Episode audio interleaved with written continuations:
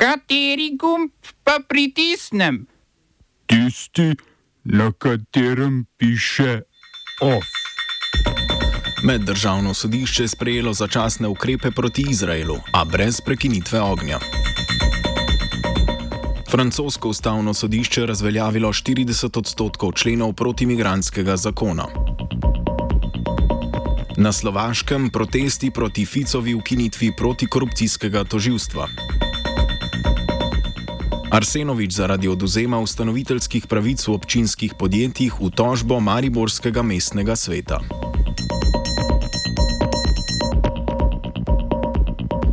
Meddržavno sodišče v Hagu je na pobudo Južne Afrike Izraelu naložilo začasne ukrepe za preprečitev genocida v Gazi. Od Izraela zahteva kaznovanje vsakršnega spodbujanja k genocidu, kaznovanje vojakov, ki izvajajo genocidna dejanja in takojšnje omogočanje uvoza humanitarne pomoči v Gazo. Izrael mora v roku enega meseca sodišču oddati poročilo o implementaciji teh ukrepov. Sodišče je tudi zavrnilo zahtevo Izraela, da južnoafriško tožbo v celoti zavrže ter odločilo, da ima pravno pristojnost za razsojanje o južnoafriški tožbi. Ugotovilo je tudi, da ima južnoafriška tožba utemeljeno pravno podlago v konvenciji o preprečevanju in kaznovanju zločina genocida. Kljub vsemu sodišče ni ugodilo južnoafriški zahtevi, da v sklopu začasnih ukrepov Izraelu naloži takojšnja prekinitev ognja. Francosko ustavno sodišče je razveljavilo več kot tretjino novega zakona o priseljevanju. Večino odpravljenih členov do tujcev diskriminatornega zakona je razveljavilo na podlagi kršenja parlamentarne procedure, saj členi vsebinsko niso spadali v sprejeti zakon. Ustavno sodišče ni presojalo o dejanski vsebini odpravljenih členov, so se pa ti nanašali prav na najbolj diskriminatorne dele zakona. Sodišče je na primer razveljavilo določbo, po kateri bi morali priseljenci v Franciji živeti vsaj pet let, da bi lahko zaprosili za socialno pomoč. Poleg tega je sodišče odpravilo določbo, po kateri otroci v Franciji rojeni staršem brez francoskega državljanstva s polnoletnostjo ne bi več avtomatično pridobili državljanstva. Prav tako je odpravilo kazen za nezakonito prebivanje v državi ter določbe, ki bi zaustrile pogoje za tuje študente. V spodnjem domu parlamenta je vladajoča koalicija predsednika Emanuela Makrona zakon sprejela s pomočjo glasov desnice, v zameno z desno podporo pa zakon dodatno zaustrila. Proti zakonu so ljudje množično protestirali in od predsednika zahtevali naj zakona ne podpiše. Makron je to kljub temu storil in si roke oprav s tem, da je zakon poslal na ustavno sodišče. Predsednik ksenofobne stranke Nacionalni zbor Jordan Bardela, čigar stranka je prav tako glasovala za zakon, zakon, je odločitev ustavnega sodišča označil za državni udar sodstva. Malijska vojaška vlada je uradno odstopila od alžirskega mirovnega sporazuma s tuareškimi separatističnimi silami na severu države. Kot razlog vladajoča hunta navaja umešavanje Alžirije v malijske notranje politične zadeve. Na severu Malija, v regiji Azavad, od leta 2012 poteka konflikt med tuareškim separatističnim gibanjem za osvoboditev regije Azavad, malijsko vlado in džihadističnimi organizacijami povezanimi z Al-Kaido in islamsko državo državo. Tuaregi na severu Malija so januarja 2012 razglasili neodvisno državo Azavad. Tuaregi so se z malijsko vlado bojevali do aprila 2012, na kar je notranje politični spor med tuareškimi separatisti privedel do konflikta med tuareškimi nacionalisti in džihadističnimi skupinami. Zaradi slabe koordinacije med tuareškimi milicami in neaktivnosti milijske vojske so leta 2013 na zahtevo malijske vlade in sprejete resolucije v Generalni skupščini Združenih narodov v konfliktu posredovale francoska vojska in mirovniške sile Združenih narodov. Alžirski sporazum iz leta 2015 je nekdanjim separatističnim borcem omogočal integracijo v malijsko vojsko, ki naj bi pomagala pri bojevanju z džihadističnimi silami in omogočal pretežno tuareškim regijam večjo avtonomijo. Toda sporazuma malijske vlade večinoma niso implementirale. Malijska vojska je bila februarja 2020 v skladu z dogovorom odposlana v tuareško regijo Kidal za vzdrževanje miru pred napadi džihadističnih organizacij, vendar svojih nalog nalog ni opravljala.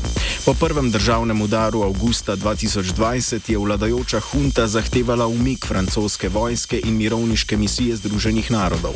Leta 2021 je staro malijsko vojaško vlado nadomestila nova v še enem državnem udaru, ki je dodatno zaostrila odnose s Francijo in Združenimi narodi. Francoska vojska se je iz Malija v celoti umaknila avgusta 2022, mirovniške sile Združenih narodov pa pred enim mesecem.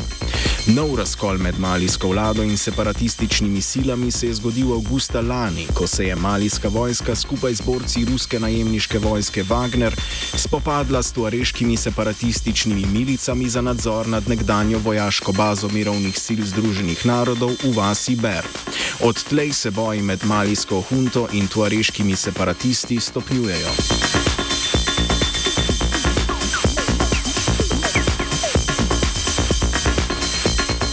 Hrvaški sabor je soglasno sprejel spremembo zakona o služenju v oboroženih silah Republike Hrvaške, po kateri se bodo vojaki morali upokojiti z dopolnitvijo 50 let na mesto 45, kakor doslej.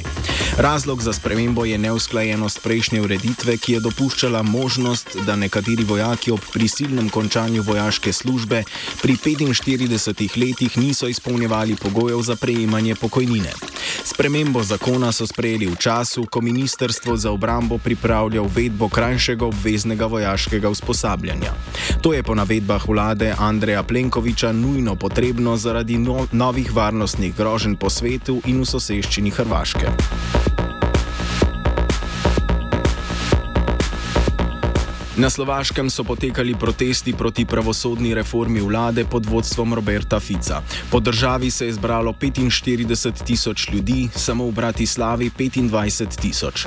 Vlada s premembo kazenskega zakonika predvideva ukinitev specialnega toživstva in prenos njegovih pristojnosti na lokalna toživstva.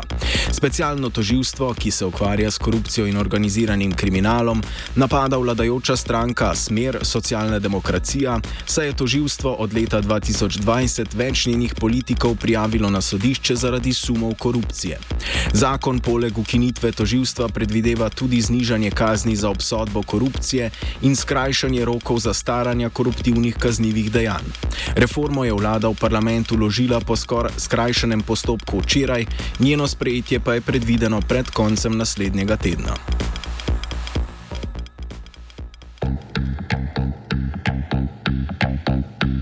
Smo se osamosvojili, nismo se pa osvobodili. Naslednje število je še 500 projektov. Izpiljene modele, kako so se strani nekdanje LDS rotirali. Ko to dvoje zmešamo v pravilno zmes, dobimo zgodbo o uspehu. Takemu političnemu razvoju se reče udar. Jaz to vem, da je nezakonito, ampak kaj nam pa ostane? Brutalni obračun s politično korupcijo.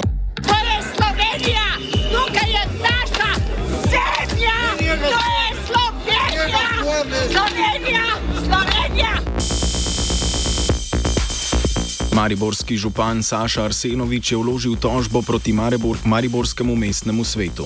Tam je decembra lani s premembo odloka o ustanovitvi holdinga oduzel ustanoviteljske pravice in s tem tudi nadzor nad javnim holdingom Maribor. V holding je župan v času svojega prvega mandata združil devet občinskih podjetij, od energetike, komunale in vodovodov do javnega prometa in nepremičnin.